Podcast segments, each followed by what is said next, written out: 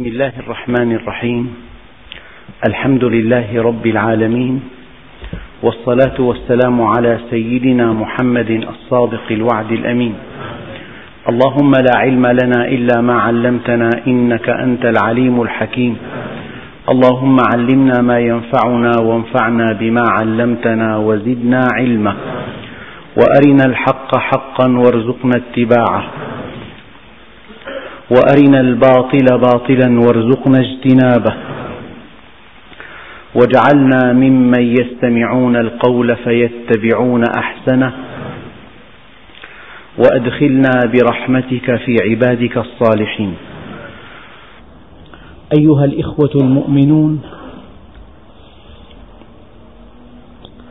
وصلنا في الدرس الماضي إلى قوله تعالى قل سيروا في الأرض فانظروا كيف كان عاقبة الذين من قبل كان أكثرهم مشركين. أيها الإخوة، قالوا الطرائق إلى الخالق بعدد أنفاس الخلائق، يعني هناك طرق كثيرة إلى الله، وقد عبر الله عنها بقوله تعالى يا أيها الذين آمنوا اتقوا الله وابتغوا إليه الوسيلة. فأي طريق يفضي إلى الله عز وجل هو وسيلة إليه.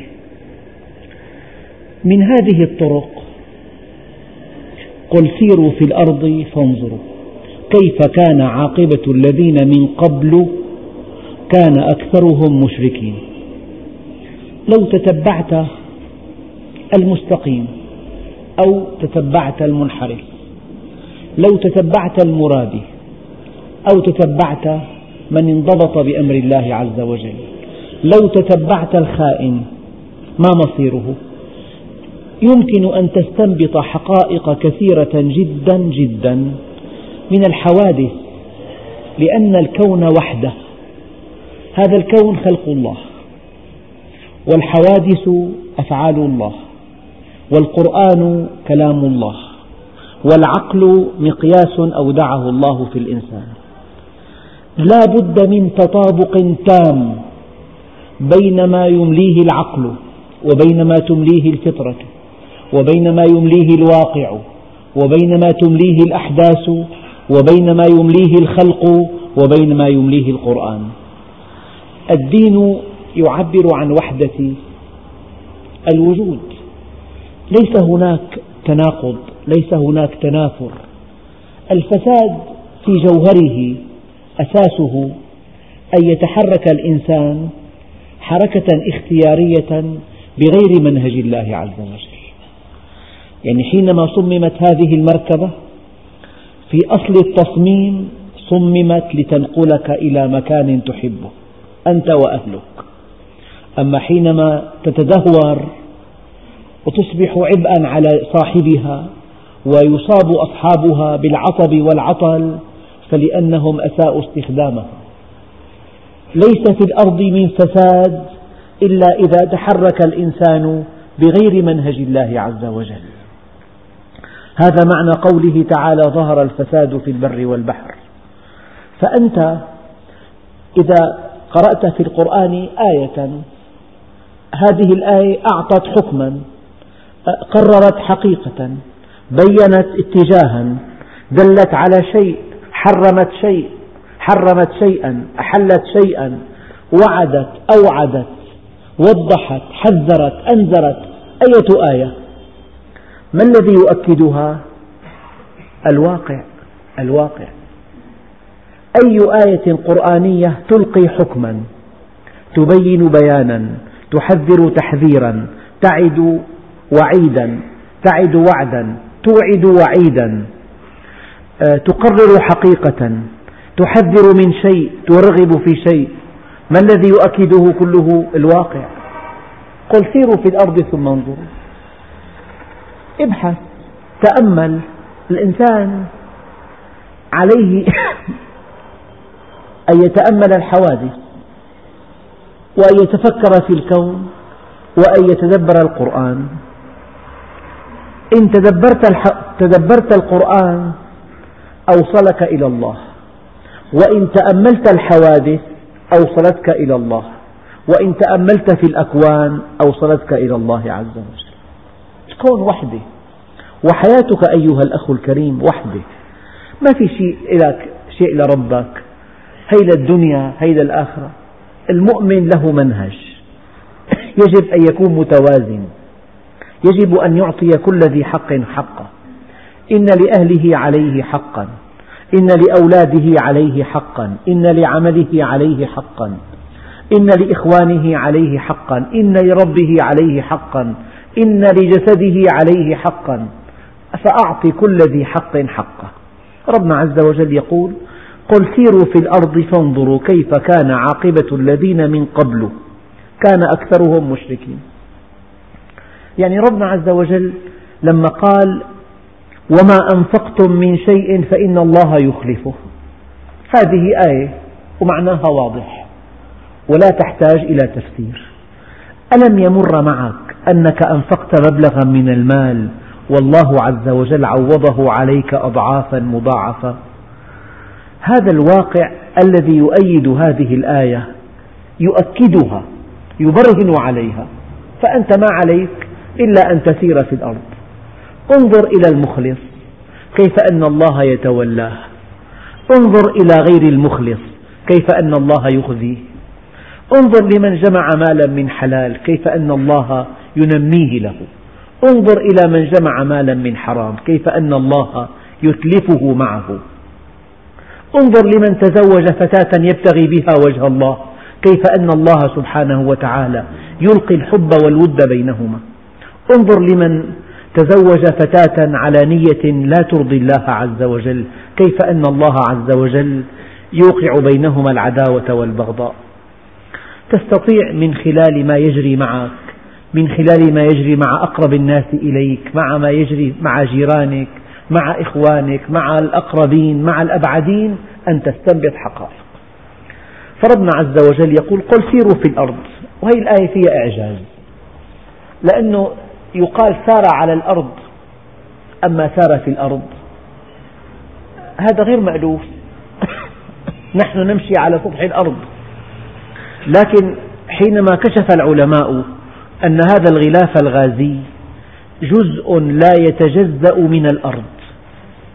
فلو أنه انفصل عنها لنشأ في الأرض تيارات من الرياح تزيد سرعتها عن 1600 كيلومتر في الساعة. ومعنى هذا التيار أنه لا يبقى شيء على وجه الأرض. الأعاصير التي تزيد سرعتها عن 200 كيلومتر تدمر. 800 كيلومتر لا تبقي ولا تذر يقال هنا كان مدينة. 200 كيلومتر فما فوق تدمر. فلو أن الرياح على سطح الأرض زادت عن 1600 كيلومتر لما بقي على سطح الأرض شيء. إذا هذا الهواء جزء لا يتجزأ من الأرض. لذلك لم يقل الله عز وجل قل سيروا على الأرض قل سيروا في الأرض. فانظروا كيف كان عاقبة الذين من قبل. شوف كلمة عاقبة. هي كلمة مهمة جدا. الأمور بخواتيمها. الأمور بالنتائج. الأمور بخريف العمر. الأمور حينما نلقى الله عز وجل. الأمور حينما نقف بين يدي الله عز وجل. فالبطولة أن تعد لهذا اليوم العصيب لهذا الخريف لهذه الوقفة. لهذه الساعة لهذا القبر هنا البطولة. فهناك أشخاص غافلون تأتيهم الدنيا فيرقصون ولا يعلمون أنهم سيبكون. قل سيروا في الأرض فانظروا كيف كان عاقبة الذين من قبل. هؤلاء الذين عارضوا النبي عليه الصلاة والسلام ما مصيرهم؟ وهؤلاء الذين نصروه ما مصيرهم؟ هؤلاء الذين وقفوا مع الحق ماذا كانت عاقبتهم؟ وهؤلاء الذين عارضوا الحق ماذا كانت عاقبتهم؟ قل سيروا في الأرض فانظروا كيف كان عاقبة الذين من قبل. هي من قبل إذا بني الظرف على الضم قطع عن الإضافة أو إذا قطع الظرف عن الإضافة بني على الضم. يعني على تقدير شيء آخر. من قبل ذلك يعني. كان, كان أكثرهم مشركين.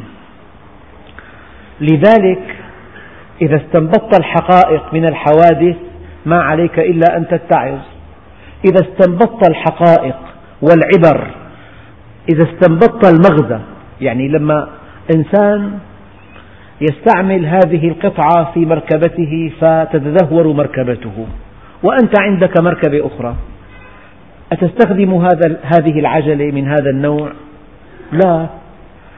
الموقف, الموقف الطبيعي العقلاني الموقف الذي لا بد منه أن تستنبط الحقائق وأن تبني عليها مواقفك. لذلك ربنا عز وجل قال فأقم وجهك للدين القيم سمي الدين دينا لأن العقل المطلق يدين إليه لأن النفس البريئة ذات الفطرة العالية تخضع له. الإنسان لا يخضع بعقله إلا للحقيقة ولا بنفسه إلا للكمال. هكذا فطرته. وهذا عقله. عقله مركب من مبادئ وفطرته مركبة من قيم. فالبشر جميعا يحبون الخير يحبون الإحسان يحبون الإنصاف يحبون العدل. فخذ هذه القاعدة. عقلك لا يخضع إلا للحقيقة وفطرتك لا تخضع إلا للكمال. فإذا جمع الدين بين الحقيقة والكمال لا بد من أن تخضع له إذا كنت حرا. إن لم تكن لك أهواء إن لم تكن لك مصالح إن لم تكن لك مطامح إن لم تكن لك انحرافات إن لم تكن لك شهوات تقيم عليها إن كنت حرا في عقلك وحرا في نفسك تخضع للدين. وما سمي الدين دينا إلا لأن النفس الكريمة الحرة تدين إليه تخضع إليه. تأمل أوامر الله عز وجل. تأمل توجيه الله عز وجل للأبناء تجاه أمهاتهم وآبائهم. أليس هذا التوجيه سديدا حكيما؟ يجعل الأسرة متماسكة. وإن جاهداك على أن تشرك بي ما ليس لك به علم فلا تطعهما وصاحبهما في الدنيا معروفا. وقضى ربك ألا تعبدوا إلا إياه وبالوالدين إحسانا. راقب توجيه الله للإنسان في تعامله مع أمه وأبيه في تعامله مع إخوته في تعامله مع شركائه في تعامله مع جيرانه في تعامله مع من هم دونه مع من هم فوقه. التوجيه عقلاني والتوجيه كامل.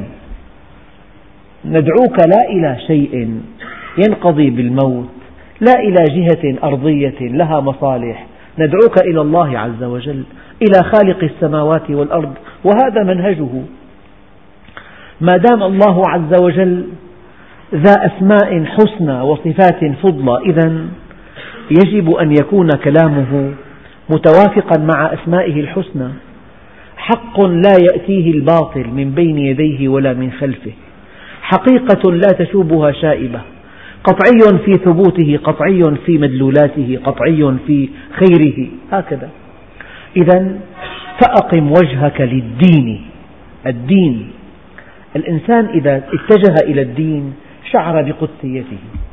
شعر أنه مخلوق مكرم مخلوق أول. شعر أنه خلق لمهمة عظيمة. الإنسان إذا اتجه إلى الدين شعر بإنسانيته أما إذا اتجه إلى الدنيا شعر بحيوانيته. ما الدنيا؟ طعام وشراب ولذائذ واسترخاء ونزهة ومرح ولعب وتفاخر وتكاثر. هذه الدنيا؟ وهذه تنقضي عند الموت. أما إذا اتجهت إلى الله عز وجل شعرت أنك مخلوق أنك مخلوق مكرم مخلوق أول. هي معنى الدين. الدين ما يخضع له بالضرورة. ما يخضع عقلك له وما تخضع فطرتك له.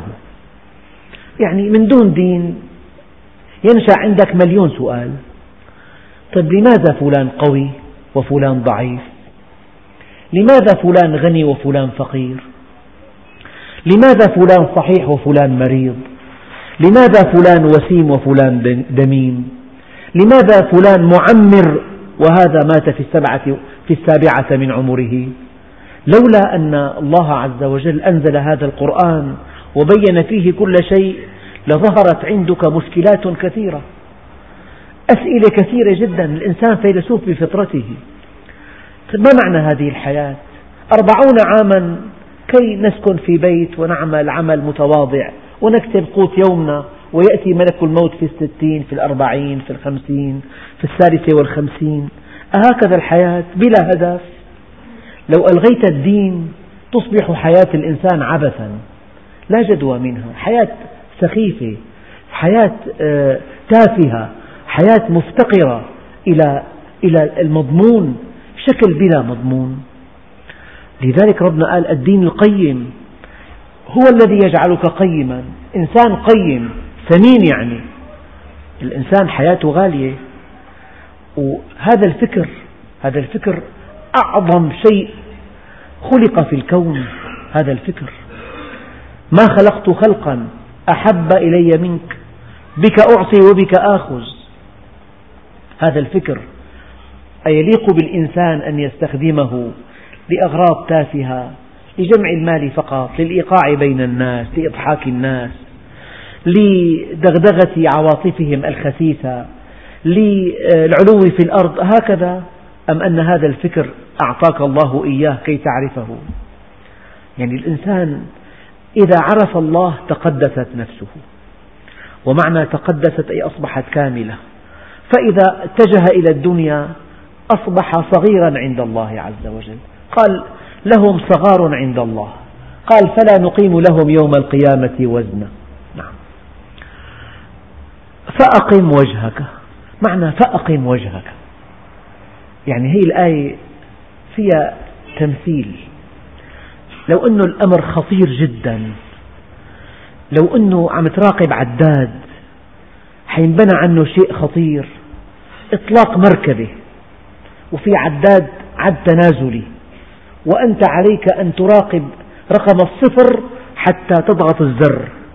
كيف أن العينين تحدقان في هذا العداد في هذه الساعة في هذا المؤشر؟ إذا كان شيء يعني خطير جدا وأنت تراقبه أقم وجهك. يعني تسديد النظر إحكام الوجهة إلى شيء دون زيغ يمينا ولا شمالا. أقم وجهك.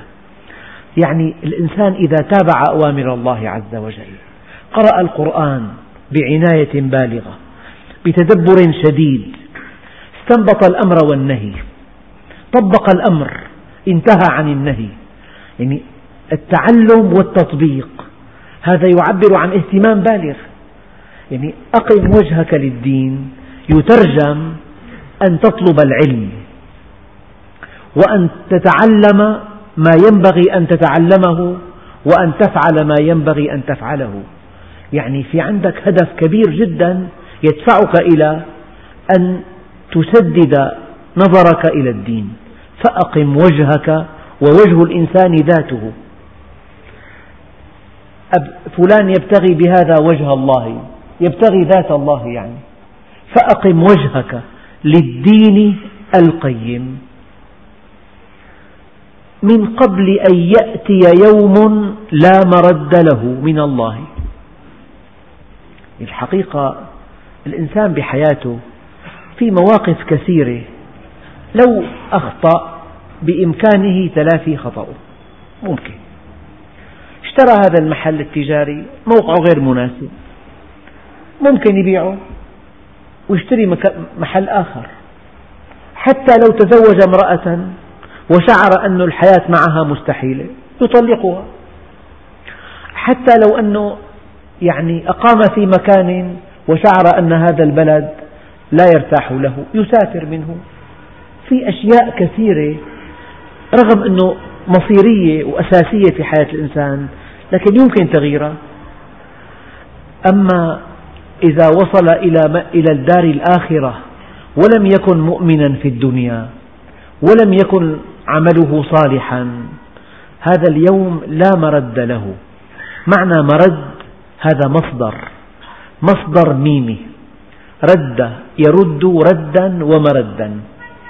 يعني هذا اليوم لا يرد. لا يدفع. لا يتلافى خطره.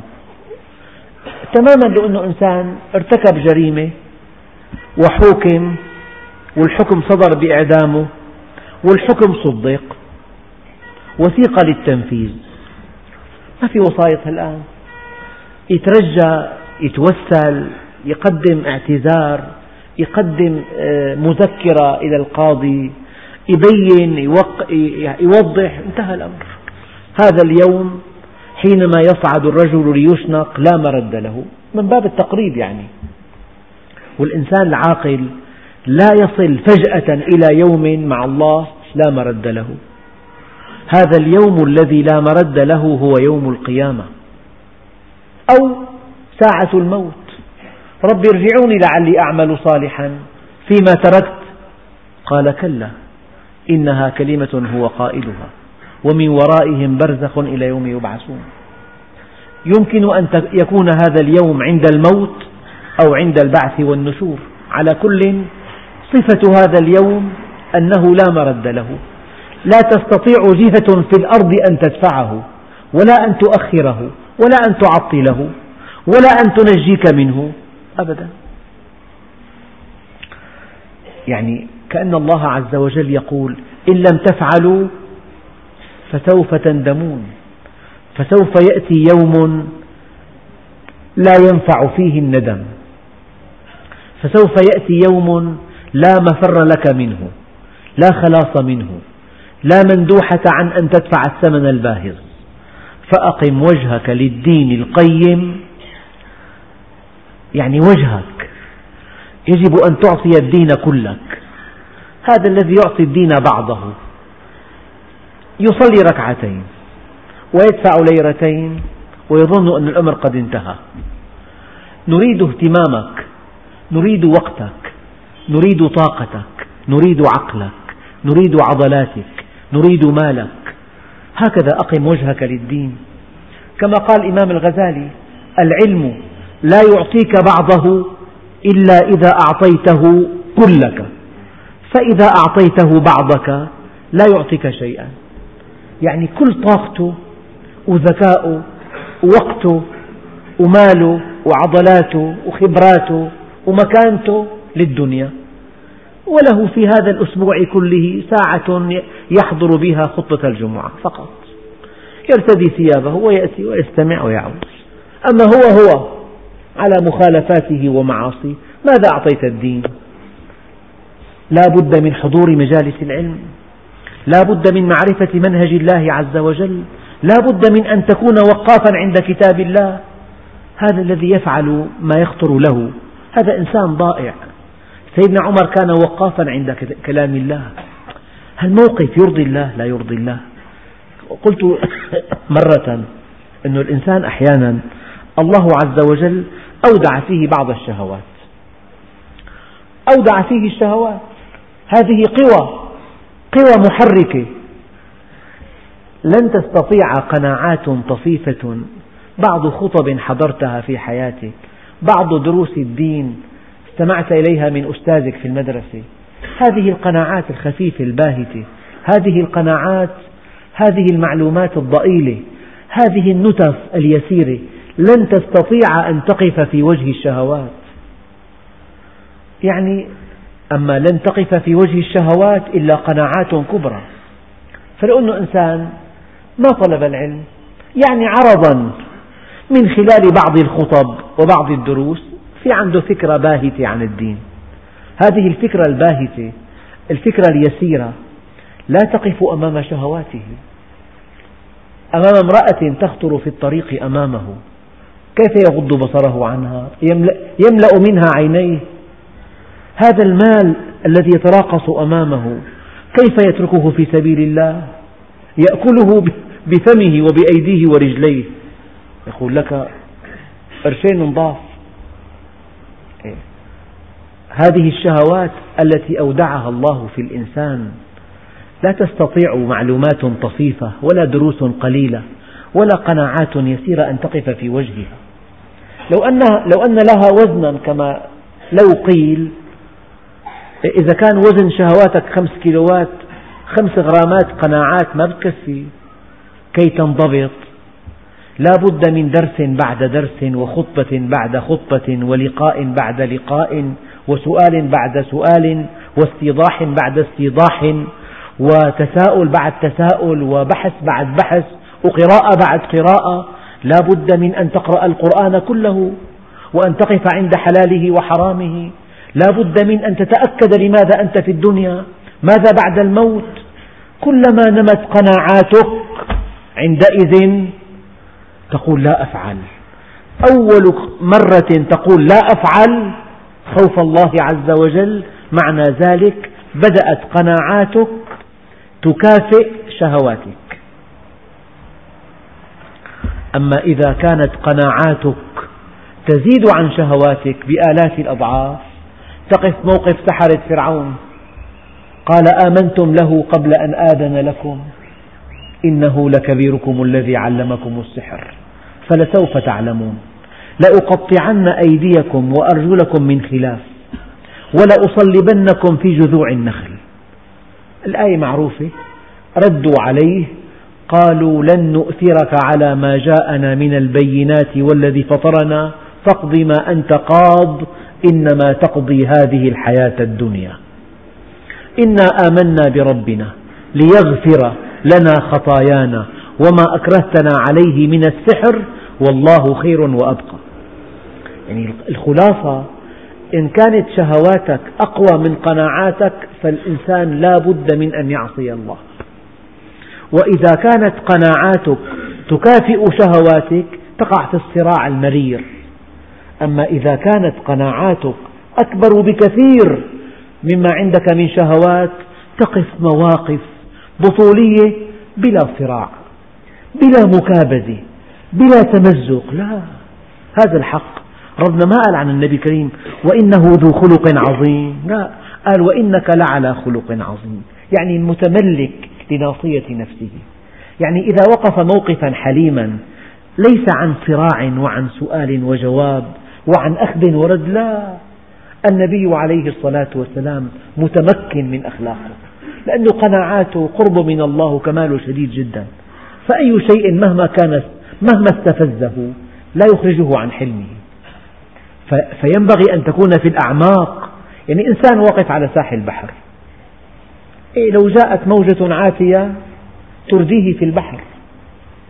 فإذا كان أبعد قليلا احتمال أن تأتي موجة وأن تأخذه إلى البحر أقل. كلما اقترب في الأعماق كان في مأمن. لذلك ربنا عز وجل قال ومن الناس من يعبد الله على حرف. فإن أصابت أصابه خير اطمأن له. به. وإن أصابته فتنة انقلب على وجهه خسر الدنيا والآخرة. فأنا المؤمن ليجهز ألا يبقى على الطرف على الحرف على موطن, موطن خطر أن يبقى في الأعماق. شيء آخر آه، ذكرت البارح مثل أنه ممكن تكون المعاصي على شكل كرات مثلا. هذه الكرات تكبر كلما كبرت المعصية وازداد إثم صاحبها وكانت ذا ضرر أكبر كان حجمها أكبر. طبعا أن ينظر الإنسان إلى امرأة لا تحل له هذه معصية. الزنا كمان معصية. بس هذه شيء وهذه شيء. وممكن الإنسان استقامته تشبه المنخل. فكلما صغرت عين هذا المنخل إن صح التعبير كلما حجز أكبر عدد من المعاصي وكلما كبرت هذه العين سرب المعاصي. هناك منخل ينخل الدقيق عن السميد مثلا ناعم جدا إلى أن يحاسب الإنسان نفسه عن كل صغيرة وكبيرة. فلذلك عودة إلى الآية الكريمة فأقم وجهك للدين القيم من قبل أن يأتي يوم لا مرد له من الله. هذا الطريق المسدود هذا الموقف الصعب فإذا نقر في الناقور. يعني الإنسان أيام بيتوفى الله عز وجل وعنده خمسة أولاد بيتوزعوا. واحد يروح على التربة يشتري قبر والثاني على الأهوجي والثالث على دفن الموتى والرابع يساوي أكل. هيك العادة يعني. أما الأكل خلاف السنة. النبي عليه الصلاة والسلام يقول اصنعوا لآل جعفر طعاما. السنة أن يقدم الطعام لأهل الميت لا أن يصنعه أهل الميت وهم في مصابهم على كل. حينما يبدأ حفار القبر بحفر القبر كان في كان في بيت فخم. وكان في عز وسلطان وكان في نعمة فارهة وكان في شأن كبير وكان يأكل ما لذ وطاب وينام على أفخر الأسرة ويلتقي بأحب الناس إليه له زوجة تروق له وله أولاد وله أموال فإذا نقر في الناقور سينتقل من هذه الجنات والعيون. من هذه النعم إلى حفرة صغيرة. فإذا نقر في الناقور فذلك يومئذ يوم عسير على الكافرين غير يسير. فالبطولة أن نسعى لهذا اليوم. فلان منا فلان من جماعتنا فلان هناك من يدافع عنه من يدفع له الكفالة ويخرج بسند كفالة من يتوسط له حياتنا الدنيا قائمة على التجمعات. في تجمعات منوعة لكن الإنسان إذا كان دخل في جماعة له ميزات. فهذه الميزات يفقدها كلها عند الموت. يومئذ يصدعون يتفرقون. لا في أنساب ولا في عشائر ولا في قبائل ولا في جماعات ولا في تكتلات ولا في تجمعات يومئذ يصدعون. الآن يقول الله عز وجل من كفر فعليه كفره. شوف كلمة على على تعني الفوقية. يتصور إنسان يضع أثقال فوقه. هذه الأثقال سوف تضغط عليه. كل أعماله السيئة عليه. كأنها أوزان موضوعة فوق رأسه. لو إنسان سيهبط عليه طبق من حديد فكلما أوسقه بالأثقال سيدفع الثمن هو. لو بقي طبقا من دون وزن بإمكانه أن يدفعه بإمكانه أن يوقف نزوله عليه. أما إذا ملأه أثقالا من كفر فعليه كفره يعني أوزار كفره عليه. تبعات كفره عليه مسؤولية كفره عليه العذابات عليه الآثار السيئة عليه. لو أنه إنسان أغوى فتاة. وهذه هذه الفتاة انقلبت من فتاة شريفة طاهرة يمكن أن تكون زوجة صالحة أما رؤوما إلى فتاة ساقطة. وأنجبت فتيات ساقطات هذه الفتيات إلى يوم القيامة وزرها وإثمها على عاتق من أفسد الأولى. فمن كفر فعليه كفره. يعني إثم كفره عليه وزر كفره عليه أثقال كفره عليه تبعات كفره عليه عذابات كفره عليه من كفر فعليه كفره. ومن عمل صالحا فلأنفسهم يمهدون. يعني من عمل صالحا فلنفسه. هي اللام لام التملك. هو يعمل لنفسه. يعني الإنسان لو أنه يحب ذاته إذا انطلق من حب ذاته عليه أن يعمل الصالحات إذا انطلق من حب ذاته. إذا انطلق من حرصه على سلامته. إذا انطلق من حبه لوجوده. إذا انطلق من حبه لسلامة وجوده. إذا انطلق من حبه لاستمرار وجوده. إذا انطلق من حبه لكمال وجوده. هذا شيء بديهي. ما في إنسان إلا يحب وجوده ويحب سلامة وجوده. من يحب أن تتوقف كليتاه عن العمل؟ بالتأى بالمخلوقات كل واحد يحب ذلك؟ لا والله. من يحب أن يصاب قلبه؟ من يحب أن يصاب جسمه أن يفقد سمعه أن يفقد بصره أن يكون فقيرا أن يكون ذليلا أن يكون مقهورا أن يكون شريدا ضائعا مهانا من يحب؟ ما من واحد منا ومن غيرنا ومن أهل الأرض إلا ويحب السلامة.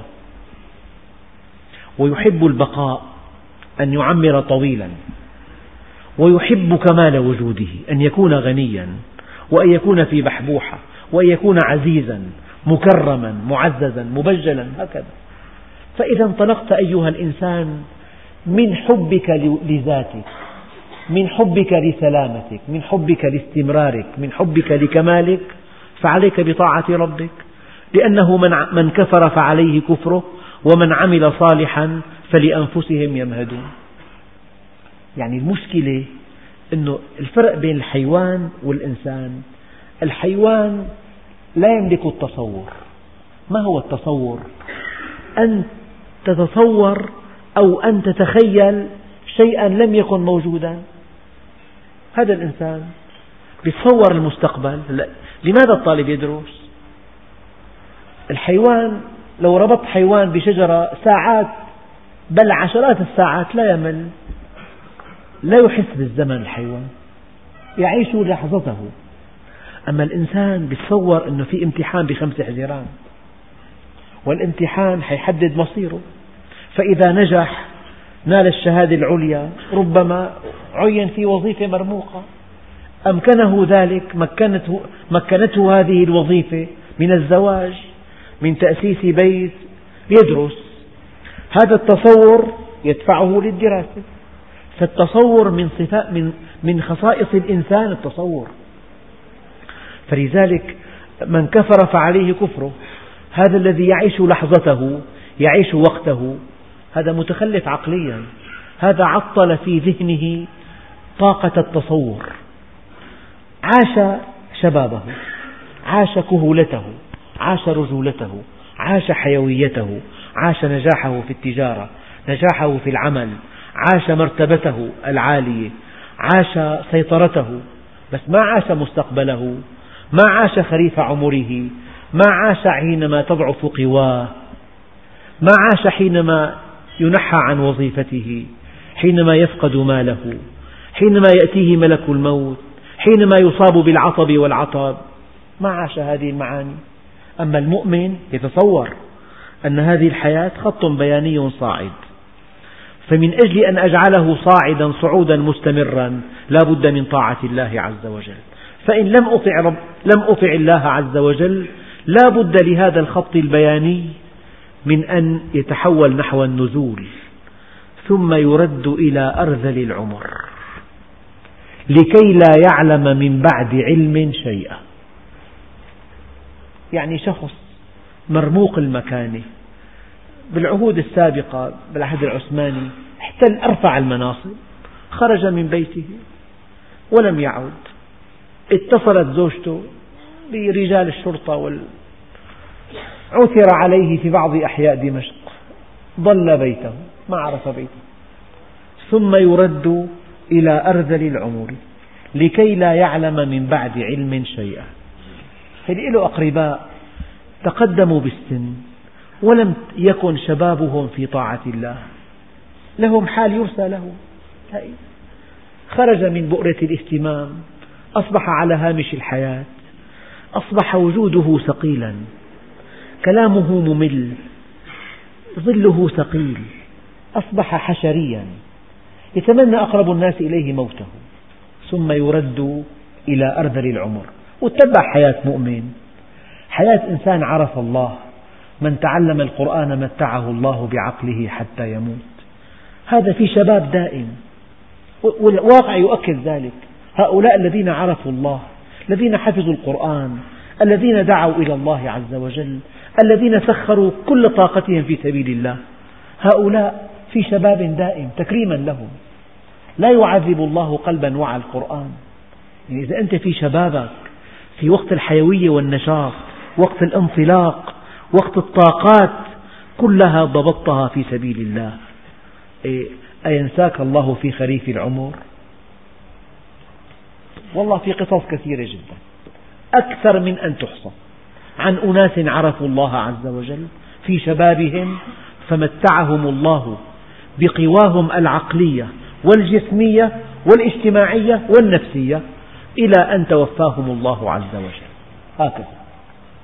لذلك من كفر فعليه كفره.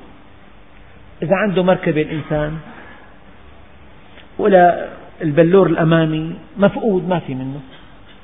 وانوجد حقه خمسة وعشرين ألف. وجاء بمطرقة وكسر البلور. يعني بيكون غاض من؟ كسر بلور مركبته. بيكون انتقم من مين من كفر فعليه كفره. افعل ما تحب. بلور ما في. وغالي الثمن وإن وجد ثمنه كبير. إنسان عاقل إلى مركبته التي يحرص عليها والتي تقدم له خدمات جلة يمسك بالمطرقة ويكسر باللورة الأمامي باختياره. أنا فشيت قلبي بمين فشيت قلبك من كفر فعليه كفره. يعني أخطاء الإنسان ماله الحرام تجاوزه عدوانه استعلاؤه. تخطيه لحقوق الآخرين آه، كبره عليه كفره.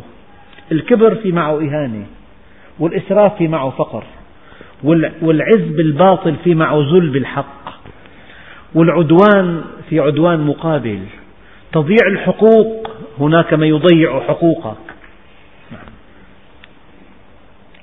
هذه الآية دقيقة جدا. من كفر فعليه كفره ومن عمل صالحا كان متواضع.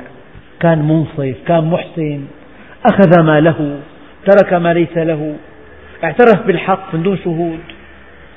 احتكم للحق لا للقضاء. كان الحق ثابت عليه ما بدأ قضاء ما بدأ قاضي. هذا ما دام الحق ثابت عليك ادفع الحق من دون دعوة من دون محامي. هذا المؤمن يراقب الواحد الديان. قال له يطوف واحد في الكعبة قال له يا رب اغفر لي ذنبي ولا أظنك تفعل بس ما حتغفر لي يسير وراءه رجل قال له يا هذا ما أشد يأسك من رحمة الله لماذا أنت يائس؟ قال له ذنبي عظيم قال له ما ذنبك؟ دخل لبيت معتدي رأى في رجل فقتله رأى امرأة مع ولدين فقال للمرأة أعطني كل ما عندك. أعطته دنانير ذهبية. فقتل الأول ولدها الأول. فلما رأته جادا في قتل الثاني أعطته درعا مذهبة. طليت بماء الذهب ثمينة جدا. أعجبته. بدأ يتأملها ويتفحصها فإذا عليها بيتان من الشعر. إذا جار الأمير وحاجباه وقاضي الأرض أسرف في القضاء فويل ثم ويل ثم ويل لقاضي الأرض من قاضي السماء. إذا واحد له عمل. بإمكانه يؤذي الناس. بيقدر يعني أسمح له. بيكتب ضبط له شهرين روحته. كل إنسان عنده عمل بمكنه من إيقاع الأذى بالآخرين. يعد للمليون قبل أن يوقع الأذى بالآخرين. لأن هؤلاء الآخرون لهم رب وسوف ينتقم منه. هيئ لله جواب دائما. حتى في علاقتك مع, مع أهلك. قبل أن تطلقها ظلما. هيئ لربك جوابا عن هذا الطلاق. قبل أن توقع الأذى بفلان. هيئ لله جواب. من كفر فعليه كفره. ومن عمل صالحا فلأنفسهم يمهدون. الآية الأخيرة ليجزي الذين آمنوا وعملوا الصالحات من فضله إنه لا يحب الكافرين. الحقيقة أن هذه الدنيا دار ابتلاء والآخرة دار جزاء. هذه الدنيا دار عمل والآخرة دار تشريف. هذه الدنيا دار تكليف والآخرة دار تشريف. فربما ربنا عز وجل في الدنيا كافأ بعض المحسنين تشجيعا لنا وربما عاقب بعض المسيئين تحذيرا لنا. فالعقاب والجزاء في الدنيا عقاب عينات, عشو... عينات. القصد منا التعليم أما الحساب الدقيق والجزاء الأوفى الكامل دفع رصيد الحساب ربما أعطي المؤمن دفع على الحساب في الدنيا. أما إعطاء الرصيد يوم القيامة. ربما وجدت مؤمنا مستقيما على أمر الله ومع ذلك دنياه ضيقة وخشنة ممكن. نقول له الجزاء يوم القيامة. لكن ربنا عز وجل شاءت حكمته أحيانا أن يكافئ المحسن في الدنيا على إحسانه تشجيعا لبقية المحسنين وأن يعاقب المسيء على إساءته ردعا لبقية المسيئين. فهذا الإحسان تعليمي والعقاب تعليمي وتحذيري. أما الحساب الأخير والكامل والأوفى والرصيد هذا يوم القيامة. لذلك ربنا عز وجل قال من كفر فعليه كفره ومن عمل صالحا فلأنفسهم يمهدون ليجزي الذين آمنوا وعملوا الصالحات. لاحظوا دائما آمنوا وعملوا الصالحات. شايف الدين؟ الدين علم وعمل. إن ألغيت العلم ما بقى في دين أنا أخي أخلاقي بس ما بصلي. كلام فاضي إذا ألغيت العلم ما عاد في دين. وإن ألغيت العمل ما في دين. الدين يقوم على ركنين أساسيين العقيدة والسلوك العلم والعمل الإيمان والعمل الصالح.